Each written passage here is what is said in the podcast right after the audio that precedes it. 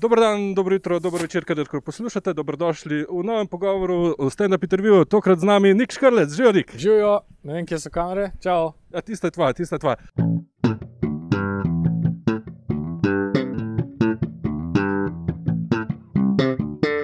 Kot prvo, da razčistimo, ne?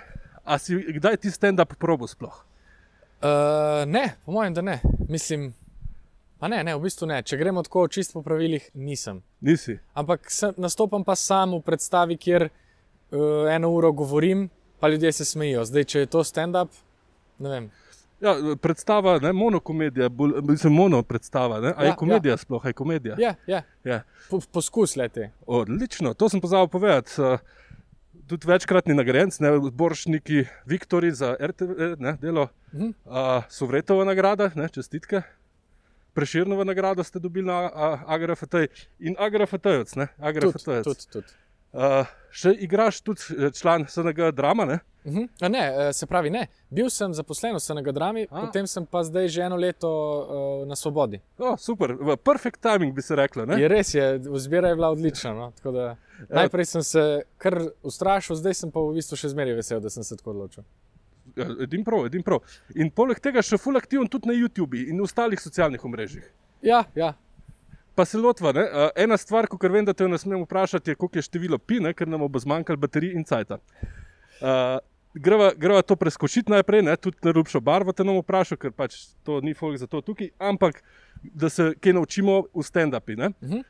Recimo, a, sti, uh, a spremljal si pa, da je stand-up nerbrš? ne? Seveda, seveda, stand-up me fulj zanima. V bistvu pač mi je komedija ljuba in zanimiva v vseh raznih izraznih, recimo, žanrih, in stand-up je zihar eden izmed njih. Pa recimo si kdaj tudi razmišljal, da bi kaj probo kaj drugega, ali si, recimo vem, da si klovne malo študiral, ne? Ja, ja. Klovne. A bi kaj povedal, ko recimo klovni, ko počnejo klovni, ker ne počnejo recimo stand-up komiki? Mislim, večino stvari počnejo drugače, ne? ampak ene temeljne um, zakonitosti komedije pa so po mojem iste povsod. In pol, če, če kar naenkrat daš zraven tako recimo čist različne komične vode, um, pa če jih primerjaš, pol vidiš, kje so ena stičišča. Ne? Klon, na primer, je čisto eno vesolje zase, um, veliko več ponavadi uporablja telo, v bistvu uporablja tudi masko na nek način. Um, Živi avto, No, vse v redu. ali klonov nosek, ne? Ali pa neko masko, ki jo mogoče niti ne vidimo, ali pa je samo bela šminka ali kaj tasga, ampak zaradi tega ga v bistvu to mal v njegovi fizični prisotnosti odmakne od tega človeka, pa ga naredi bolj en lik. Um, potem kloni imajo tudi ene drugačne, recimo, zakonitosti pa delovanja med sabo, samo v resnici so to čist iste stvari, kot pa jih ima nek komičen gag ali pa material v stand-upu, po mojem. Uh, klovne si ljudje predstavljajo kot neke uh, Stephen King's It ali pa neki otroški zabavljači iz ameriških filmov, trapasti. Ne, uh, ne vejo pa, da so recimo, okay, pa tudi mlajši, ko to poslušajo, Buster Keaton ne poznajo, veš, to Charlie Chaplina so slišali. Ne, uh, ampak Mr. Bina bi pa znal poznati. Ne? Mhm, A je mhm. Mr. Bean klovn po tvoje? Mislim, ja, uporablja neke prvine klovna ali pa mogoče rečemo uh, physical comedy. ne. In to je polje ali pa morje klovnov. Uh, zdaj, mene je pri klovnih predvsem še zmeraj me privlači ta neka ideja mojstrstva. Se pravi to, da v bistvu oni lahko, mislim, oni obvladajo to, kar počnejo, počnejo pa nekaj, kar je od današnjega časa že tako oddaljeno, da je v bistvu zelo tuje ali pa zelo privlačno tudi zaradi tega. In kloni imajo tudi recimo, različne neke klonovske šole, različne pristope, ki so lahko zelo rigidne, zelo stroge. In zaradi tega je meni to tako zanimivo, ker slutim, da so od zadnji neki sistemi, da so od zadnji neki principi, ki so v bistvu znanje. No? Ja, ja. Uh, in v bistvu imajo skupaj ful podobnega tudi s komiki na tem ne, smislu, da večkrat ponavljaš en in isti material. Ne? Ja, ja. in v bistvu ga piliš celo življenje. Mhm. Uh, ko pa recimo ti kot igralec, ne, bi tudi kakšne usporednice lahko s klonostvom, recimo to odličnost, ko jo treniraš. Ne? A bi lahko kakšne uh, usporednice s tem povezale, morbiti? Mislim, seveda, jaz pač bi res, jaz stremim k znanju. No? Pač jaz bi rad čim več, ne nujno vedel, ampak čim več znanja nabral tekom recimo, neke svoje kariere. Ker mislim, da je to edino zatočišče, ki ga imam pred pač eno nestalnostjo umetnosti ali pa eh, recimo vseh ljudi, ki se ukvarjamo z odrom. In v tem smislu je tudi nekakšna želja igralca graditi svojo baz, ta svoj bazen znanja na enak način, kot ga gradi klon, sam spet, da so mogoče gumbi, pa registri drugi, ampak pristop je pa enak. No, si jih preznanil. Uh, recimo, mlajši komiki imamo težavo s tem, da si zapolniš tistih par uh, šal ali pa vrstni red ali kaj takega. Pol s časom ugotoviš, da vrstni red je boljši, da kdaj se prepustiš uh, publiki. Ne? Kako pa recimo lahko memoriziraš ti ali tok številk, ali tok različnih tekstov in tudi tok različnih person, ker uh, v drami se igra več vlog hkrati, ne? istočasno. Mislim, da je tako, kot če bi vprašal Mizarja, kako lahko naredi to kmisa. Ne? V bistvu, po mojem, je pri v gledališču, ne, se pustva. Um, pa dojoči šal. Ni šala, te tu. Ja. Pani, okay, odlično, smo že barko ta žrela pojedli. Uh, ja, od, odličnost, kako mi zdaj lahko recimo, več mis uh, dela hkrati. Zapolnjevanje besedila na odru je ta zadnja, najmanj pomembna stvar, po mojem. In mora se zgoditi pone, posledično, po nesreči. Uh, v gledališču, recimo znotraj neke predstave, se zgodi zato, ker se ukvarjaš z, z osebo, s situacijami, s kontekstom, s psihologijo in tako. Zdaj, jaz pa verjamem, da v drugih žanrih se pa isto mora zgoditi um, ob strani. No? Spravi, če, če se trudim naučiti besedilo na, na vse možne pretege, pa mogoče nekaj zgrešujem. No? Je še nek drug pristop, ki mi bo lahko veliko bolj pomagal pri tem ukvarjanju z materialom, uh, na druge načine poglabljanje van, pol posledično prinese tudi to, da si ga zapomniš. Zdaj za cifre pa jaz uporabljam ene tehnike pomnjenja, ampak To je zdaj čisten drug pogovor, v bistvu. Okay, uh, ko pa uporabljaš za ne samo tehnike, da si lahko ljudje zgooglajo, so to ti manjši. Palača spomina. Ah, ja. Super, super, vsi, ki so gledali še Lokolmsa, so to enkrat saj slišali. Tako, ne? tako. Ampak v bistvu v vsaki tehniki pomnjenja je potem priklic stvari, ki smo si jih zapomnili. Je to tudi dejanje, ki ga pol počneš, ki to vlečeš ven iz spomina. Se pravi, če jaz naštevam te decimalke, zgledam prilično, mislim, čudno. Ne? To ni, ni moj cilj, da bi tako zgledal, ko govorim ali pa interpretiram tekst. Tako da, mora to zapomnjevanje se zgoditi že veliko prej, pa veliko boljš, da je ta tekst v krvi in da se ne rabim ukvarjati s tem, kako ga bom vlekel ven. Uh, to je tako, kot muzičari, po mojem, je čas za vajo njihovo še 300 let prej, pred koncertom, pa pred ustvarjanjem. Ne? In če gremo recimo na sporednico z muzičari, ne, tudi tam se moraš naučiti najprej lestvic, zato da ja. lahko. Uh, svoje misli v besediš, oziroma v glasbiš. Uh, in to, recimo, te note so samo teksti, ne? pa pa kar daš ti tem notam, to pa rata muska. Ja. In kdaj se ti je na zadnje zgodilo to na odri, recimo, da si začutil, da wow, to pa gruvamo zdaj? Pa v bistvu jaz se trudim, da je vsaka predstava um, stremi k temu. No? In meni se zdi, da je ena glavnih pomankljivosti gledališča, tako rečemo tega institucionalnega gledališča, da je preveč rigidno. Ne? Da je preveč zaprto v neka pravila in v neko formo. Spet ne pravim, da bi lahko bil razpust, ampak um, jaz kot gledalec grem v gledališče zato, ker je tam lahko vidim neko živo prisotnost, pa ker je ta komunikacija v teatru nekaj posebnega, ker se lahko v danem trenutku zgodijo neverjetne stvari. Ne? In to tudi mene zanima kot igralca. In recimo ta predstava, ki jo igramo v Štihovi, o kateri smo prej govorili, ne gre vse v pi. Praktično vsaka njena ponovitev je za me taka. No? Pač nekaj je na njih, da me vleče tja. To rabim in to mi je žur. Prehitim samega sebe, prehitim gledalce. V bistvu v danem trenutku lahko nekako zelo lepo igram na to, recimo, prisotnost. In um, ja, trudim se, da je vsaka predstava, da ima nek von potem. No? Tudi če je kakršna koli že, igralec lahko poskrbi za to na milijonih načinov. No? Je pa ta teorija četrte stene v gledališču, pa se.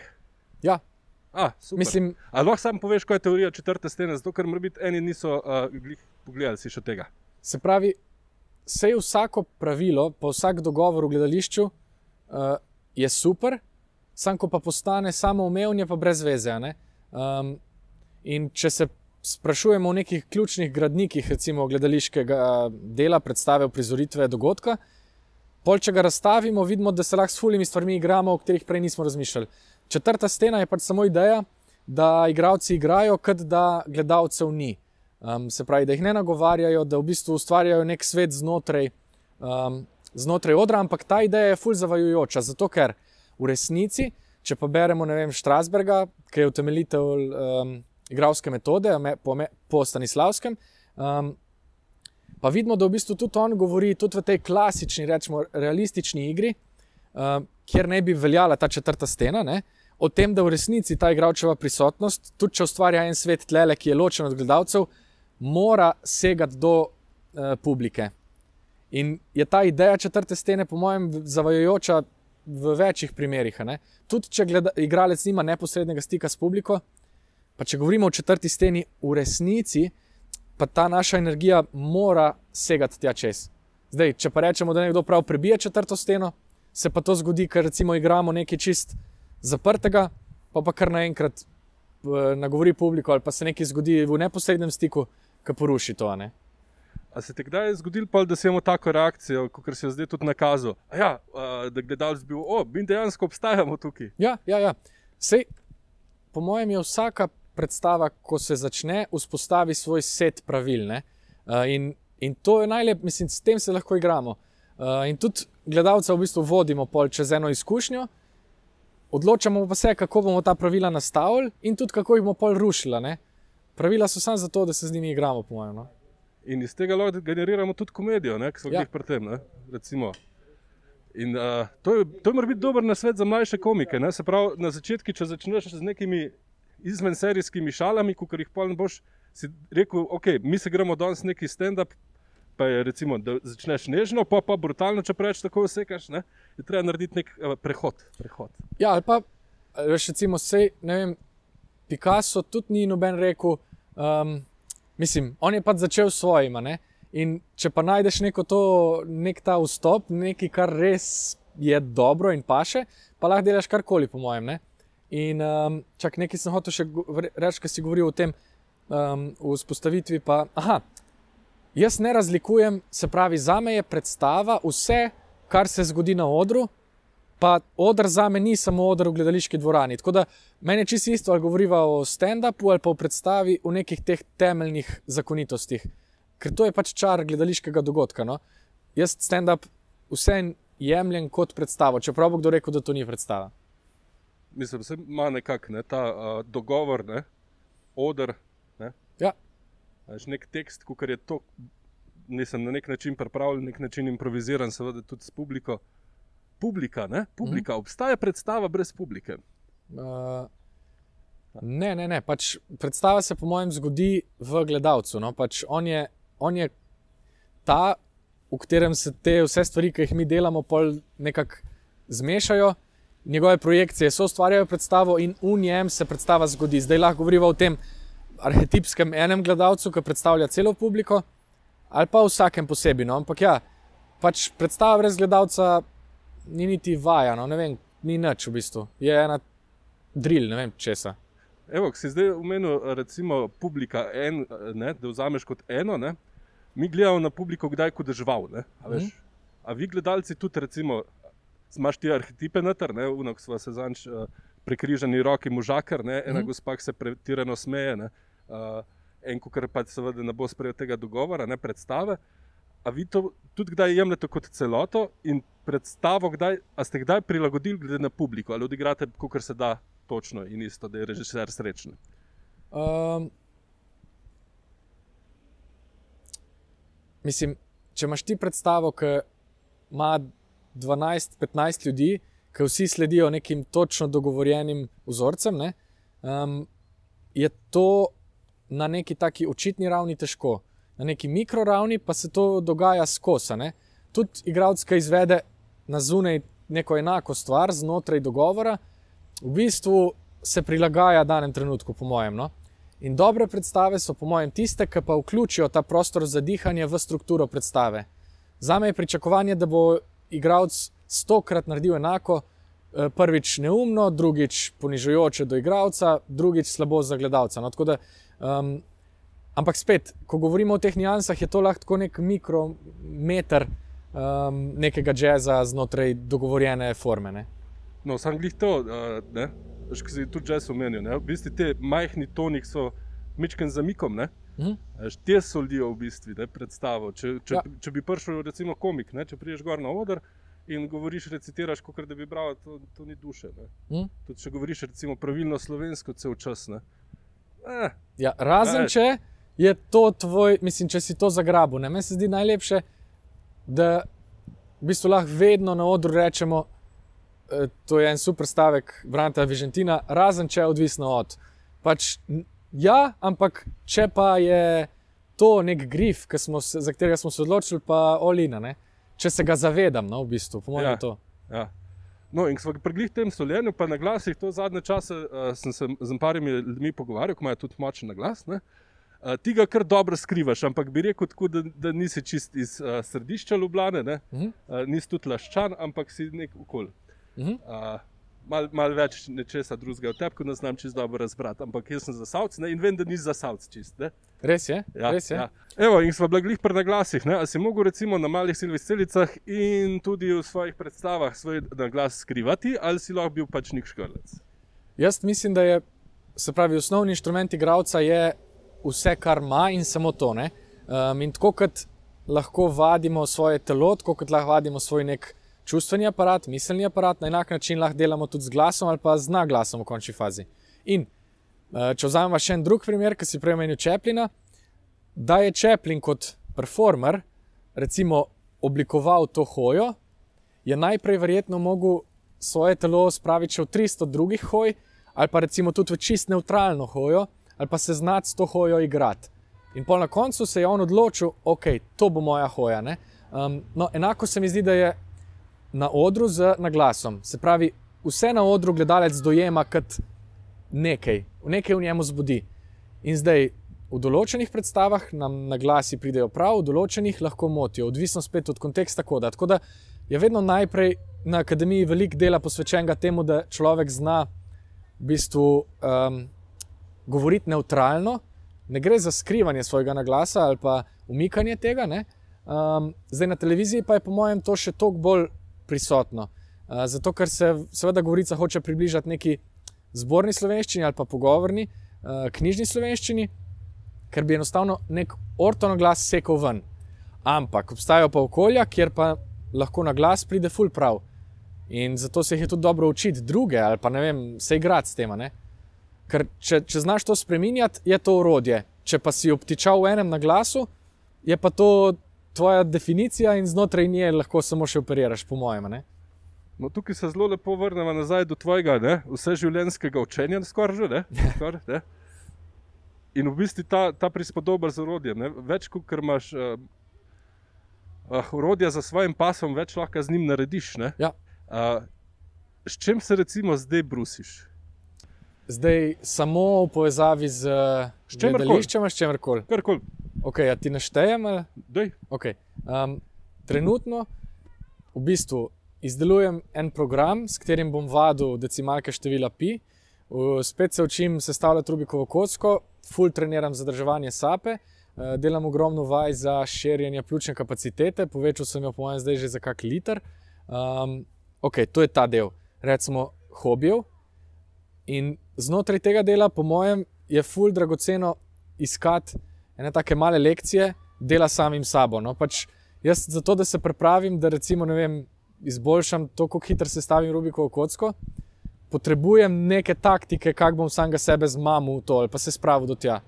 In iste taktike pa pol cepim na ustvarjalno delo, ki pa je zadnje čase tudi full samo inicijativno. Ne? Zdaj smo v času, ko smo v eni črni luknji in noben nam več ne daje priložnosti, vsaj tak je moj vtis, no, ali pa ni priložnosti, kar posod okrog, ki jih je treba ustvarjati. In v tem smislu se pa trenutno full ukvarjam z, z videom, seveda, um, tudi z live streamom, ker se mi zdi neka čudna križanca, mešanca televizije pa gledališča. Zdaj, pred nedolgo tega bom, mislim, ne, eh, kmalu bom live streamal iz Štihove dvorane, nekaj, kar ne bo predstava, ne bo pa tudi live stream, ne vem zares, kaj bo. In evo, zdaj se fully gram s tem, pač poskušam graditi neke strukture ali pa se učiti, kako narediti to zanimivo, ali pa kako se izraziti znotraj tega. Pol tretja stvar, me pa ful vleče Jerry Seinfeld. No, pač nekako nekak me je našel, pa tudi on trenutno ima neko pomlad s to knjigo, pa z vsem se mi zdi. Um, in če, če, on je bil človek, ki, je, ki me je prej malo odbijal, no zdaj me pa pač sam fascinira totalno. Uh, berem njegove knjige, poslušam njegove intervjuje, poslušam njegove podcaste, mislim, podcaste z njim. In evo, to troje skupaj trenutno mi zelo dobro funkcionira. No? Se pravi, ne znaš lenariti, ne, ne znaš lenariti. Uh, skrbim za to, da, da pa lenarim, ja, ampak zato, ker skrbim za to, da ful lenarim, imam lahko tudi ful časa za to, da aktivno delam stvari. No? Odlično, no, ampak uh, se pravi, ključ je najbrž neka sistematika, si umenil. Ne? Pri tem, da se motiviraš k delu, vsakodnevnem uh, treningu, vaje, Rubikova kocka, ne? program, software za Ja, pi. ja. ne. Um, oziroma, jaz motivacije ne priznavam. Pač mogoče obstaja, ampak me ne zanima. Um, bolj me samo zanima, kako bom sebe spravil do tega, no? kako naj ravnam sam s sabo. Uh, in pač prva knjiga Stanislavskega je Delo igralca s samim seboj, on sicer tam govori o ustvarjalni veščini, ampak v resnici je pa tako še podstat tega, sem ta osnovna stvar, kako naj sebe pripravim do nečesa. In jaz pač dalje bolj odkrivam, pa tudi zaradi potapljanja, da je to prijaznost, pa da je to v bistvu en zahteven dialog, ki pa mi lahko pride prav. No? Pač tudi na odru, v resnici, tako ko izvajamo ene stvari, ali pa ko smo in the zone, imamo od zadnji enega pilota, ki um, ki usmerja stvari. In zdaj, če je ta dialog s tem pilotom dober, ali pa če ga znam čisto odrezati, ali pa če mu kdaj znam prepustiti popolno krmilo, je lahko ful bolj zabavno kot sicer. No. Pa se izpostavljaš takim situacijam načrtno, da lahko avtopilot uh, zalaufa svoje kontrole. Ne, ne, ne, avtopilot, glih to. Ne mislim, ta um, pilot v zadju. No, Tako. Um, mislim, ja, po eni strani na odru iščem trenutke, ko, ko je moj občutek, da, da nihče več ne usmerja tega, se pravi, da, da sem nekako in the zone, da ni, um, da ni zavestne kontrole, pa da ni moje odločitve, zdaj bom naredil to, zdaj bom naredil to, ampak da stvari kar tečejo in da se zgodi ena drugačna energija. Ampak v resnici, ko pa zagusti ali pa ko se stvari začnejo dogajati drugače, pa včasih rabim tega pilota, ki tudi mora biti pripravljena. ne. Um, in pač zadnje čase se fulj sprašujem o tem dialogu s samim sabo, no, kako v smislu izvedbe, kako poteka in tudi pred izvedbo, kako naj se spravim do tega, da bom naredil nekaj svojega iz nič, kako naj se spravim do tega, da bom um, uspel nekaj izboljšati ali pa vsaj take preproste stvari. No. Ker se mi zdi to pač mogoče celo bolj pomembno kot ostalo. Uh, večkrat si že omenil, YouTuber tudi, ne? in med drugim sem pogledal en cel kup tvojih videov, vsake čast. Recimo zdaj, ne, me pa tale, me, me spomnil na Ungak, si 10 ur sestavljal Rubikovo kocko v kosu od 7 do, do 5, samo zato, da boš videl, kako je to 10 ur sestavljati in če se kaj cajt pozna. Ne? In zato praviš, ti ne priznavaš motivacije, a si pa postavljaš cilje, recimo, ko te pripeljejo do te akcije, da se lotiš tega.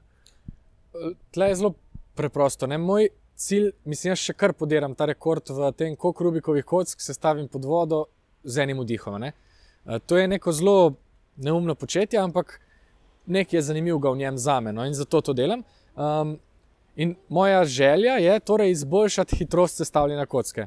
Zdaj pa se pravi, moram se ukaniti in si ponuditi čim več različnih načinov vajene, ker če vadim skozi na isti način, bo postalo dolg čas. Zdaj se vem, da moramo dolg čas v nekaj časa ust- ustrajati, ampak če si pa rečem, ok, Nik, zdaj boš pa naredil en video, kjer boš 10 ur sestavljal Rubikovo kocko, kar naenkrat to postane pol nujnost in samega sebe v bistvu mal prenesem uh, okrog, da se prisilim vaditi 10 ur. Vem, da je ta vaja tudi malo kontraproduktivna, ker na eni točki pač postane brez veze, um, postane predolga in tako. Ampak, kad izkušnja je pa zanimivo in pol pa lahko spet cenim krajše vaje ali pa ne krajše sešne in tako. Um, in YouTube veliko krat izkoristim za to, da se v bistvu pripravim do nečesa. No? Um, ali da v nečem razmislim, ali da nekaj oblikujem, ker si pač rečem, ok, zdaj bom naredil ta video. In če to hočem doseči, moram narediti še en kup drugih stvari. Moram se naučiti, recimo, kaj montirati, moram uh, pogruntati, kakšno nov efekt, ne vem, ali čist na tej YouTube ravni, ali pa na jav, ravni izven tega. Ne? Zdaj razmišljam o eni seriji uh, nekih petih knjig, ki so za me bile ful inspirativne in so še zmeraj. Ampak v resnici bom to naredil tudi zato, da samega sebe spet malo svežim, pa da jih preberem, pa da oblikujem nekako svoje mnenje in stališče o njih, tako da bo tudi drug človek to razumel. Um, in to je nek tak stranski produkt, ki je meni najbolj pomemben. No, vsaki stvari pač rad iščem te m, ponesrečene stranske produkte, ki so mogoče še bolj vredni od tega, kar ljudje vidijo od zunaj. Odlično, odlično. In pri teh veščinah, hajt, uh, mislim, pri teh knjigah, pardon, sem, uh, mislim, da je veščina že nazaj prešaltati. A je tudi ta Jerryjeva ta zadnja knjiga, kot so v bistvu njegovi stari, uh, njegovi joki napisani noter. Ne še, ker sem jo zdaj, zdaj jo berem trenutno. Um, ampak je pa ta knjiga tudi eden izmed teh povodov te moje Seinfeld, zdaj novorojene obsesije. No? Um, in recimo, ko berem njegov material, vidim, klon je lahko poetičen. Ne? Se pravi, um, material klona ali pa klonovska predstava lahko preseže neko to navidezno površinskost, katero se komedija ful preveč bori, po mojem, oziroma zaradi česa ima komedija take težave, ker je pač smeh včasih smatran kot nekaj, ne vem, um, prvinskega ali pa nagonskega, kar je totalni debilizem, po mojem. Ampak um, evo, v klonu vidimo ful hitro, lahko v dobrih klonih, to njihovo transcendenco do nečesa lepo, do neke poezije. No? In ja, pač greš brati Seinfeldove fore v veliko njih je ta ista stvar prisotna. No? Sam da pač ok, način dostavljanja je drugačen, ampak če jo pa pogledaš samo po sebi, pa je to lahko tudi pesem. No? Lahko bi bila oblikovana je na podoben način, tako kot je oblikovana pesem, s fulene misli, misli, kako bojo šle besede, v bistvu z neko temeljno resnico zadaj, z nekim soočanjem o tem, kaj je človeško, kako je biti človek. In pač ja, tukaj je ta usporednica, ki me fascinira. No? Evo, in Jerryja Seinfelda, smo gledali, le, to smo ga poznali kot Seinfelda po oddaji, pa smo ga poznali recimo kot Comedian Circars in zdaj ga poznamo seveda kot komika. Ne? Ampak glih to klonost in odličnost, ki si prejmel, ne? on je znan potem, da material pili, pili, pili in tudi deset let star material izvaja. Uh mhm. -huh. Temu se mnogi komiki zdaj raje izogibajo ne? in hočejo imeti skozi svež material, glih zaradi teh uh, družabnih oziroma omrežij. Pač omrežij. A, a se tebi že kdaj zgodilo, da si kako stvar tudi na svojem YouTubu povedal, pa si pa le razmišljal naslednjič, pa tega ne smem ponoviti, ker sem že enkrat videl? Ah, v tem YouTube smislu uh, človeška pozornost na netu je grozna in to me sploh ne skrbi. Se pravi, no, razen par ultrafenov, ki pa recimo vem, na Instagramu vsako jutro kar nekaj gluposti počnem. In se mi je zadnjič zgodilo, da sem samega sebe skopiral iz preteklosti in sem jaz pozabil na to nek č, moj, recimo, človek, ki pa me fully neto sledi, se je pa spomnil tega in je pol to povezal. Ne? Ampak to je eden izmed, ne vem, tisočih. Um, veš, recimo, jaz grem lahko gledat, jaz grem v gledališče, ne grem gledat materijala, ampak grem gledat dogodek. Ne? In v tem smislu nimam te skrbi konstantne svežine, je pa zihar pomembna. No? Če pa začutim, da je neki um, postano, je pa brez veze. Ampak spet klonovske predstave so predstave, ki jih lahko en človek, klon, igra celo življenje. In ker pred tabo stopi človek, ki je ki 20 let že igra to, recimo predstavo brez besed, predstavo, v kateri crkuješ od smeha, pa ne reče besede, pač dam mu kapo dol. No. Mislim, grem lahko, gledat, lahko bi to gledal cel teden. Um, dobro, zaradi zanimanja, ampak zaradi spoštovanja, pa tudi zaradi tega, ker to, kar ima, je noro in to me zanima, bolj kot sam material. Uh, Zadnjič na tem, še kam še v pogovoru, si omenil tudi Georgea Karla. Uh mhm. -huh. In seveda vsak stand-up komik pomisli na Karlina, pa da se ti je zarekel, ne? ampak ne, George Karl je bil klovn. Uh mhm. -huh. In uh, hvala ti še enkrat za tisto, je bilo super. Sem šel pa tudi gledat. Unijemu 20 let je pilo ta, ta svoj klovn, 20 ja. let. In spravo videl, kako je mal dal stran material, ko je ohranil, ko je ja. nadgradil. Ja. Ti, ko si jemo recimo ta upine, to ni, da jaz kaj tle cenzuriram, ampak število upine, sem rekel, da ga ne smem vprašati, koliko je. To predstavo sem mu uh, več deset ponovitev. Ne? Zdaj sem že do prstoti ponovil. Prstoti, čestitke, ja. zmaga, to je best, to je super.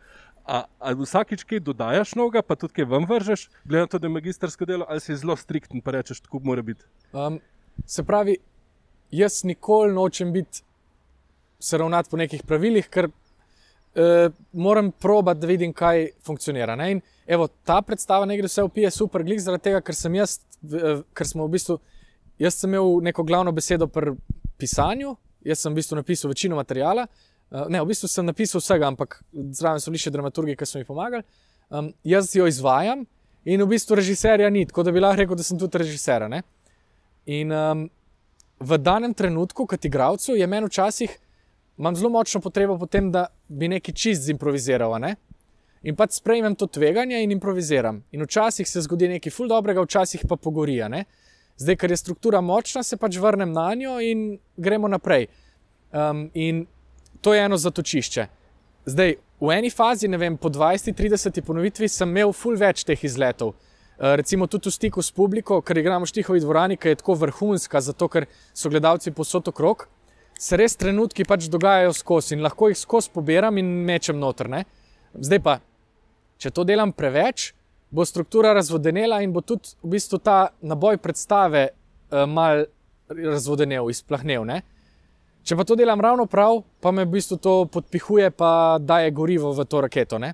In zdaj, na začetku sem imel ful več te potrebe, potem da sem hotel izumljati, pa da sem res si prvoščil ful velike izlete, zdaj pa v bistvu izvajam eno zelo fiksno zadevo, ki ima pa na trenutke, ko jih začutim, pa ki vidim, da so pravi, pa tudi vso dovoljenje, da skrene res kamorkoli, ampak je ta moja potreba potem če dalje manjša, ker se je nekaj izkristaliziralo, to ohranjam, uh, hkrati si pa dovoljujem te izlete, ker so tudi bistveni. Ker jaz, kot igralec, po mojem, ne smem zaspati. No? Ne sme to postati samo uh, rutina, ker pač to me ne zanima, no? ni mi to tako zabavno. A bi rekel, da je struktura bolj pomembna, najpomembnejši del vsebine, pol recimo? Um, jaz mislim, da je najprej vsebina, in če je ta močna, bomo prenesli karkoli. Tudi odsotnost strukture ali pa popolno strukturo, v bistvu ni pomembno. Če je ta, vse, če je ta moj, um, moja potreba potem velika, pa če vem, zakaj to delam, govorim, izvajam, igram, whatever, sem zmagal. Ne? Zdaj pa jaz pa vidim, da pri svojem delu mi močna struktura ful pomaga, zato da sem nestrukturiran. No? In tudi mm. na odru je tako. Se pravi, če imam močno zaledje, je vse mogoče. In tle prideva tudi recimo, do komedije Delarte, ki je še eno to moje ljubo polje interesa. Super. super. Um, Ker je pač, recimo, to so začetki profesionalnega gledališča, to je igra z uh, poobrazno masko. Um, in jaz sem na akademiji to spoznal, pa sem pa v bistvu šel še na ogromno delavnic v, v Italijo, k enem mojstru, Antoniju Favi, pa še pol kasneje v London in tako, ker spet me privlači to njihovo znanje.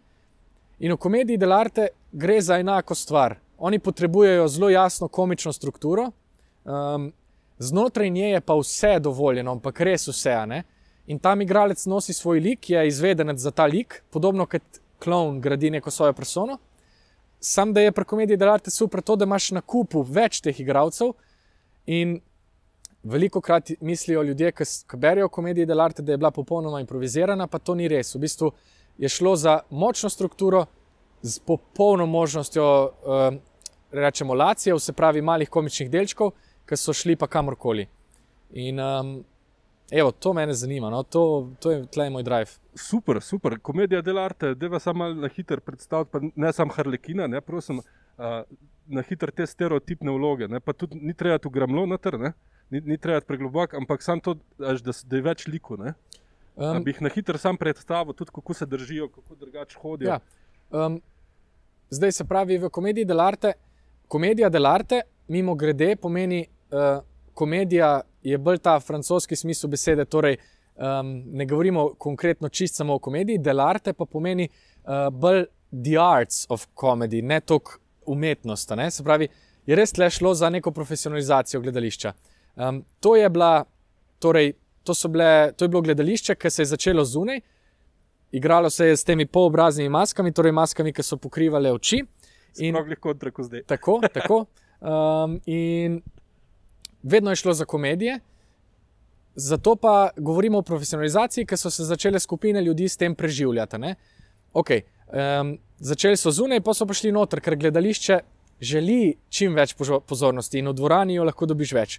Um, te osnovne komične strukture, se pravi, kanovači, so enostavno zapleti v tem vesolju komedije Delarte, ki je sestavljeno iz tipskih likov, vedno bo to ponovadi pantalone, nek starejši, bogatejši mo, uh, mož, gospodar, njegovi služabniki, Arlekino je drugi služabnik, imamo prve služabnike, ki so šefi, Arlekino in vsi ostali inoti, sta jih cel kup, so pa drugi, se pravi, drugi služabniki.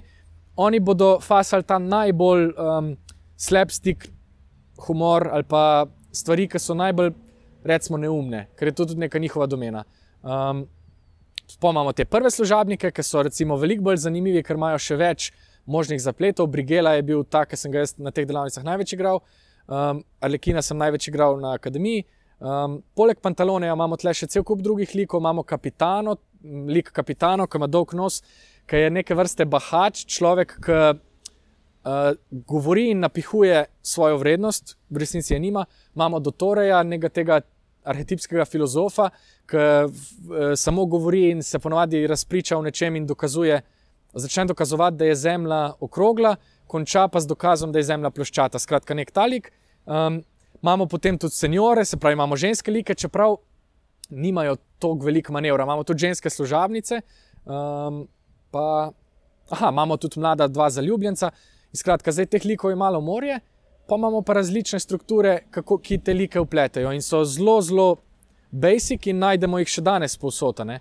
Um, vsak lik, sorry, zdaj bom se še to dokončal, ima pa seveda zaradi tega, ker imajo maske, tako kot ima tudi klovn masko, lahko rečemo, ne, um, ima neke specifične zakonitosti premikanja in njihovo, njihova telesa so veliko bolj risanka, stalikovna. Tako je pantalone, zdaj to je pa tudi odvisno malo od tradicije, pa od pokrajine. Tako, če gremo čisto točne drže, ampak ponovadi je ta pantalone vedno nekje tle, je ta arlekino vedno nekje tukaj, zdaj so različne razlage, zakaj je to tako, ampak ni pomembno. Um, tudi hoje so različne, so zelo tako, kot da bi bile risankaste. Recimo, arlekino ima prav določene načine premikanja in obračanja, pa različnih hoj, različnih tekov. Zdaj, čar tega je spet podobno kot pri glasbi. Ker se to naučiš igrati, polah delaš karkoli. In najlepša stvar za me teh izkušenj delavnic komedije Delarte je bila, ker smo bili v Italiji. En mesec nas je ta maestro drillal in smo drkali to hojo, eh, vse nas je bolel križ, imeli smo take noge, ker, smo, ker si več časa v počepu, skačeš, obračaš se, vratove smo velike boksarji. In pač res gleda nas ni spalco tepu, da je videl, ok, ne ta noga tle, bolj tako odpreš, ali pa ne vem, starec je bolj skrčen, karkoli. Pa pa na koncu delavnice je imel ta maestro svojo predstavo, se pravi, um, predstavo, ki jo je on naredil, v kateri igra tudi enega izmed likov. Mi vsi se posedemo, gledamo to in kar naenkrat vidimo tega človeka, ki nas je zdaj le en mesec drmal okrog teh pravil, kako se jih ne drži, niti tri četrtine. Um, in najprej je pač med vsemi temi mojimi sošolci takrat kar en tak upor se zgodil, kao, hej, to je eh, krivoverstvo, to je brez veze, zakaj počneš. Ne? Pač pa, pa, ki to potihne, pa v bistvu začneš opazovati, kaj pravzaprav ta človek dela. Pa vidiš, da ima naplasteno vse to, samo da je pač šel že veliko dlje, no, da je čez, da je prerasel ta pravila in da zdaj pač igra, da zdaj se izraža pa svobodno znotraj njih. In to je bila za me najboljša lekcija. No, v bistvu, um, da je uč se pravila, da je drilej na polno, ampak ni to končni cilj. No? Končni cilj je pa pač nekje drugje. Se pravi, smo spet pri urodih. No, te so mi zanimivi, ne? zato sem te tudi vprašal, če jih malo razložiš. Eni nagajučki, da so jih primerjali z liki Seinfeld, uh, Simpsonu. Uh -huh. Pa, pa sem se spomnil, pa tudi recimo, ne, so le prej pri Seinfeldu, Larry David. Ne? je pa to svojo oddajo prav snemo na isti način. Ne? On je sam strukturo postavil, ja, ja. vloge na ternametu in rekel, zdaj se pa igrate, par improvizacij in so imeli. Ja. Tako da v bistvu se še vedno uporabljajo ta znanja, ki so jih takrat razvijali. Ne? Tako, tako. In tudi te osnovne komične strukture so pač v bistvu. Zdaj, če, če hočeš res biti tako um, lekocepski, lahko najdeš v teh njihovih strukturah, pol tudi ne vem, um, navdih za Shakespeareove komedije ali pa Shakespeareove drame v končni fazi. Te, te strukture so univerzalne in tudi najbrž jih niso oni izmislili, ampak um, spet, če pa jih preučuješ, pa je zihar fulejnih zanimivih stvari v njih. Ne? In tudi način dela no, je meni ljub, ker, nek, ker gre za v bistvu eno kolektivno ustvarjanje. Komediji delarte vsak prenese na mizo svoj material in je njegov šef, to, kar delamo skupaj, je pa naš izdelek skupaj. Se pravi, imam eno svojo odgovornost, imam pa tudi skupinsko. In ena izmed najlepših stvari, ki nam jih je ta maestro povedal, je pa, um, se pravi, o tej skupnosti igralcev komedije Delarte. Um, sam zdaj hočem to lepo oblikovati, da ne bom pomečkal. Um, v komediji Delarte je zvezdnik ansambl. Se pravi, če mi hočemo, da bodo gledalci prišli še enkrat gledati našo predstavo, jim moramo servirati najboljšo možno skupno izkušnjo. Če imamo pa posamezne zvezdnike, bodo pa pač ne bomo preživeli skupaj. In ker je komedija Delarte fulj povezana s preživetjem, so v bistvu pogruntali, da moramo gojiti um, celo predstavo. Ansambl igralcev mora biti močen in mora dobro delovati skupaj. To nam bo pol prineslo v resnici neke nove možnosti, pa naredilo predstavo vrhunsko. To je odlično, to je odlično. Ne? Ker, recimo, če daš primerjavo z orkestrom, morajo biti uglašeni, ampak hkrati rabijo pa tudi močne soliste ne? ali pa Ja, operi. ja. Ne? Rabiš močne, ampak orkester je tisto, kar je podporna struktura ne? za vse. Hm, muska gledališče, se pravi. Od komedije del arte, lahko gre od Grčije, če treba, pa do zdaj, ne, do vseh teh pop zvezdnic, kot jih niti ne vemo imena, ne, Norbrž. Nimam pojma, sploh kje je zdaj ta frišna. Ne? Jaz sem Mhm. tam nek pri Britney Spears še prej končal. A, dobro, ona se zdaj vrača, tako da si spet nazaj. Ja, se v redu. A pa v bistvu vsa kultura ima v zadnji ene in iste te vzorce, ali kako bi se lahko rekel. Uh, nimam pojma. Ampak uh, Boš raziskal do naslednjič. pač jaz verjamem, no, jaz pač res samo iščem, fulrat iščem sisteme pa vzorce. Ne zato, ker se mi zdi, da je to stuff, ampak zato, ker lahko, ker s tem lahko operiramo. Uh, s tem se lahko igram, zato da pol pridem do nekih drugih ravni. Uh, in verjamem, da so neki vzorci, ki, si, ki so zelo, zelo, zelo univerzalni. No, pač vzorec komičnega gega ali pa stand-up fore. Ali pa nekega osnovnega presenečenja na odru, ali pa klonovskega materiala, je v bistvu za me temeljno enak, pa se pa razplasti v mm, vse sfere. Ne? Ampak to, kar je enako, je pa fulj zanimivo za opazovati. No, kul, cool. pa si glih omenil še stand-up, ne greš malo stand-up, jaz sem vmes za jadro čist, ne, to sem pozabil, zakaj se točno menva stand-up. Uh, a si gledal tudi kaj slovenske komike, recimo? Uh, ja. Uh, a si kaj opazil pri njih, pa ni treba zdaj poimensko, ne? ko bi se dalo pri kakemu kaj izboljšati, glede na to, da uh, si ljubitelj mojstro, mojstrstva. Um, mislim, to je verjetno tudi vprašanje celotne scene, Seveda. uh, ki pa je jaz, iz, mislim, ne, v bistvu jo poznam, no, ne, bom, ne bom si oduzemal um, ali pa zmanjševal perspektive. Um, mislim, jaz osebno, kot nekdo, ki ima drugačno ozadje, sem fulj pozoren na vsako stvar. ne.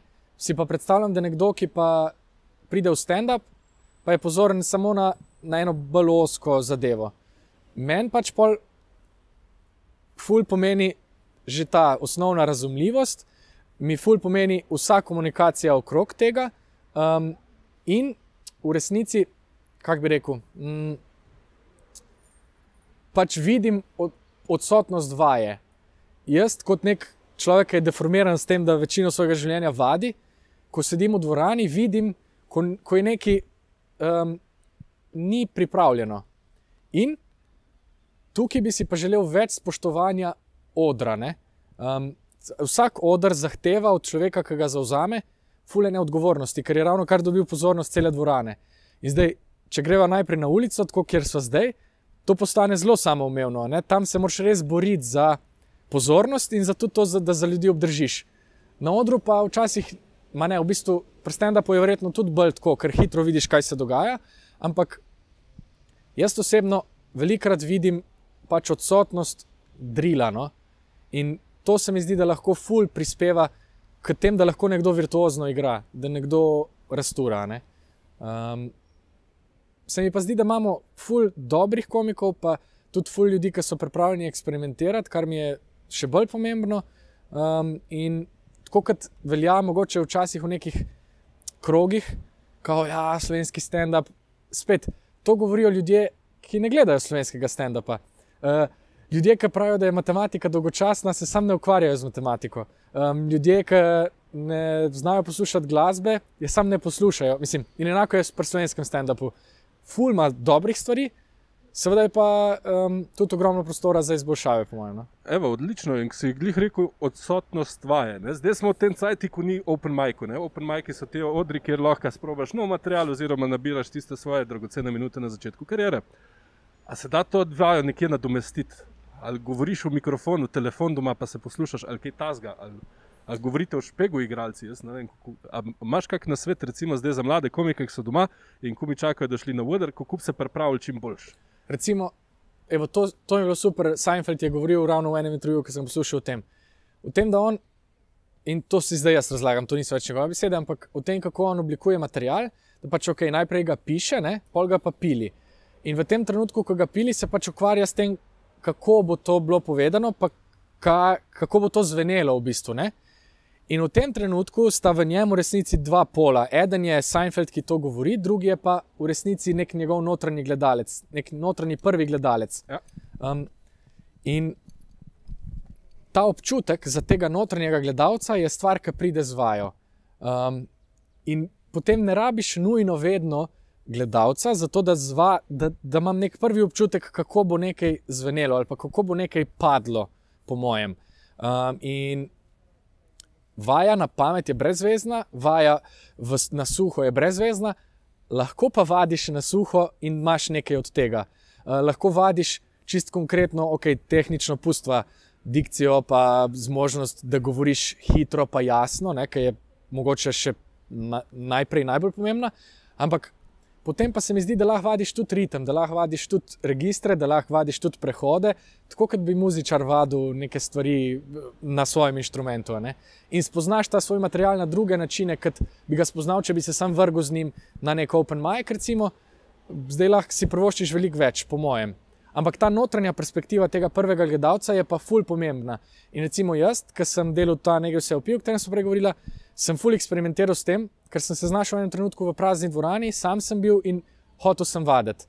Um, pa se je v bistvu izkazalo, da je ta prvi gledalec ful pomemben, da tudi vaja potrebuje ene sveže oči, ki jo gledajo, ker na nek način se nekaj drugače zgodi, kot se zgodi, če si sam. Jaz sem pol to poskušal malo nadomeščati tako, da sem postavil kamero, pa ni čisto isto, ker je še vedno kamera sem jaz. Pa sem poskušal tudi tako, da sem dal recimo neke uh, ogromne plišaste medvede, pa v njih kamero, da bi, sam da bi tako eksternaliziral tega gledalca. Ampak pa sem povedal, da spet lahko vse to umaknem, pa če vadim, kad da me nekdo gleda, no, v bistvu dobim ta občutek. Dobim pa tega svojega notranjega gledalca, ki je vedno zraven. Ja, In odlično. tudi, prosti, sem še to. V bistvu tudi na odru, če, če tako res dlakocepsko pogledava, ne, eh, je v bistvu vprašanje igralca in gledalca, tudi po mojem, samo vprašanje, um, na kateri strani ali pa plati si. In v vsakem trenutku, ki si na odru, v bistvu istočasno tudi um, sprejemaš to, kar izvajaš. No? Um, po mojem. Zdaj, to se sliši mogoče Bi sem slišal sem primere, recimo ta avto vodi experience, da imajo, ampak to so komiki f, s kilometrino, da dejansko so nad sabo ali pa ob sebi, ko govorijo na odru. Mm Mhm. -hmm. To misliš? Ne. Ali misliš, da v bistvu sebe personaliziraš kot gledalca in zato se tudi drugače obnašaš, govoriš kar koli. Uh, ne, recimo zmožnost, da na odru nekaj, impro, nekaj poskusiš novega, pa da tudi tebe to preseneti, Uh -huh. je enostavno zmožnost tega, da, to, da dojameš to, kar si glih kar naredil. Um, ali pa, če pa gremo v čist v igralsko sfero, veš, igralec se bo vsakič trudil, da vse, kar dela, je kot da je prvič. In vse, kar naredi, bo iskal tudi odziv od tega v samem sebi. Uh, in zato mislim, da vse čas na odru sta v nas te dve perspektivi. Ta, ne, celo tri, mogoče. Ena, ki izvaja, ena, ki pilotira, pa ena, ki dojema. No? In um, vsako lahko gojimo posebej, po mojem. Ja, vsake so se že pol malo dotaknili, ne? Ja, Mečken, mečken. Ok, ampak še ena stvar je tle pri stand-upi. Sploh, recimo, jaz imam tam, ne vem, meni je 60-80 nastopov, sem jih odštetil mes, ne? ker mi ni bila več pomembna ta cifra. Ampak je adrenalin, ne? včasih je bilo tako, full prej adrenalin, zdaj pol urce prej šus adrenalina, pf, ur čutiš in tudi razmišljaš, začneš drugače, bolj ostro, bolj hitro. Ne? In tudi po nastopu še nekaj cajt te drži. Ne? A pri, gleda, a pri igralcih je tudi še ta adrenalin prisoten? Uh, ja, seveda, mislim, ne vem, kaj točno to je, ampak pač jaz mislim, da trema, ali pa to je v bistvu odziv organizma na to, da je bi ga, boš glih kar stal pred ogromno ljudmi in to ni vsakdanja situacija. ne. Um, in tudi prav je, da se naše telo nekako pripravi. Um, A veš pa v luči prejšnjega vprašanja, ne? A se lahko svoje telo pretentamo, da nam da ta šus adrenalina? a, a misliš, da je nekdo, ki trpi za tem, da, da ne doživlja tega adrenalina? Ne, sam fora tem, da ta adrenalin je full dober, stari, ker se spomniš full več dobrih jokov, pa tega, pa vse to. Ja, sam ni pa spet tako dober, če želiš ti to delati vsak dan. Uh, a veš, bo, boš pa kar naenkrat, se pravi, kakršna koli količina te, recimo, trema pred nastopom, po mojem, je, je ravno pravšnja. Včasih je mogoče sploh ni, um, pa jo mogoče moram umetno dvigati ali pa jo se moram nekako pripraviti do tega, da se zbudim. Včasih je preveč, pa jo moram malo miriti. Skratka, um, kaj pa vem, jaz se s tem toliko ne, ne ukvarjam, ker spet, če imam vsebino, če vem, zakaj pa kaj, vse ostalo ni pomembno, ker je samo en mali faktor v tej enačbi. ne. Um, če govorim, ne, če so moji nameni nekako, rečemo, srčni, no, ali pa ne me narobe razumeti, ampak če prihajajo iz mene, sem varen, pač ne glede na to, kaj, kaj se dogaja. ne. Kul, cool, cool. uh, mislim, treba je drugače prav fina stvar na začetku sploh. Ne? Mm. Ko te ima malo avtopilot, a, pilot, pilot, v bistvu te fura od zadaj, ne sploh ne veš, kaj se ti dogaja na odri. Pa je pa fajn imeti, nekdaj, fajn je fajn je imeti, in jo pogrešamo na odrih. Ampak prepisanju materijala. Ne? Recimo, si kaj drugače začel ceniti delo piscev in igralcev, kot si recimo sam svojo reži, eh, predstavo, ne, ki si umenijo, eh, ki si jo napisal. Ne? Zdaj drugače gledaš lahko, kot si še to urodje sprobo na igro, ali ti je še vedno isto igrati, kot ti je bilo recimo pred desetimi leti, ko si prvič stopil na oder. Mm, Ne, zihar ne, ampak pač treba se zavedati spet, da vsak uh, človek, ki nekaj prispeva k recimo odrskemu delu, ima, mora imeti odgovornost in tudi svobodo, da se vključi. In po mojem se težave zgodijo, ko se karkoli uh, preveč poveča. Pravi, ali da imamo preveč spoštovanja do pisca, pa v bistvu je to Biblija, ali ko ga sploh nimamo, ker pol pa ga ne rabimo. Ne? Se pravi, lahko tudi pišem sam, ampak bo to nekaj drugega. Uh, in pač zavedanje tega, da je vsaka stvar na odru pač skupinsko delo in da če hočemo dobro skupinsko delo, mora vsak imeti odgovornost in občutek vključenosti, je po mojem najbolj pomembno. Ampak znotraj tega to pomeni tudi, da jaz kot igralec, če vidim nekaj, kar je bilo napisano, se zavedam, da to je nekdo napisal. Se pravi, to je zdaj njegovo delo, zdaj pa jaz bi pa želel še nekaj drugače. Uh, mogoče najprej zadržim ta svoj impuls, pa pač počakam, ker mogoče ne razumem, ne vidim, ne najdem, ne, ne najdem stika. Pač v eni točki pa mogoče si bom dovolil nekaj spremeniti. Ne? In pa se, vr, eh, pa pa se zavrtiva spet nazaj, ne, pridemo pa do YouTuba, kjer pa ni teh, ne, a bi lahko nekaj si dovolil, ampak imaš vse eh, škarje in platno v svojih rokah. Ne. Ja. No, recimo zaradi YouTuba pa jaz absolutno cenim recimo, uh, vse ljudi, ki na televiziji kaj delajo. Ne? Ker kar naenkrat spoznam, da to, kar jaz delam, recimo, če imam jaz nek live stream, bom jaz bil in tons, pa bo zvok obupen, bom jaz bil in ta, ki meša kadre, mislim, režiser v bistvu, pa bo režija obupna, um, pa bom jaz tekstopisec, pa bo tekst bolj tak, jaz bom igralec, pa bo zaradi tega tudi igra malce slabša, ne? ampak je nek poseben čar v tem.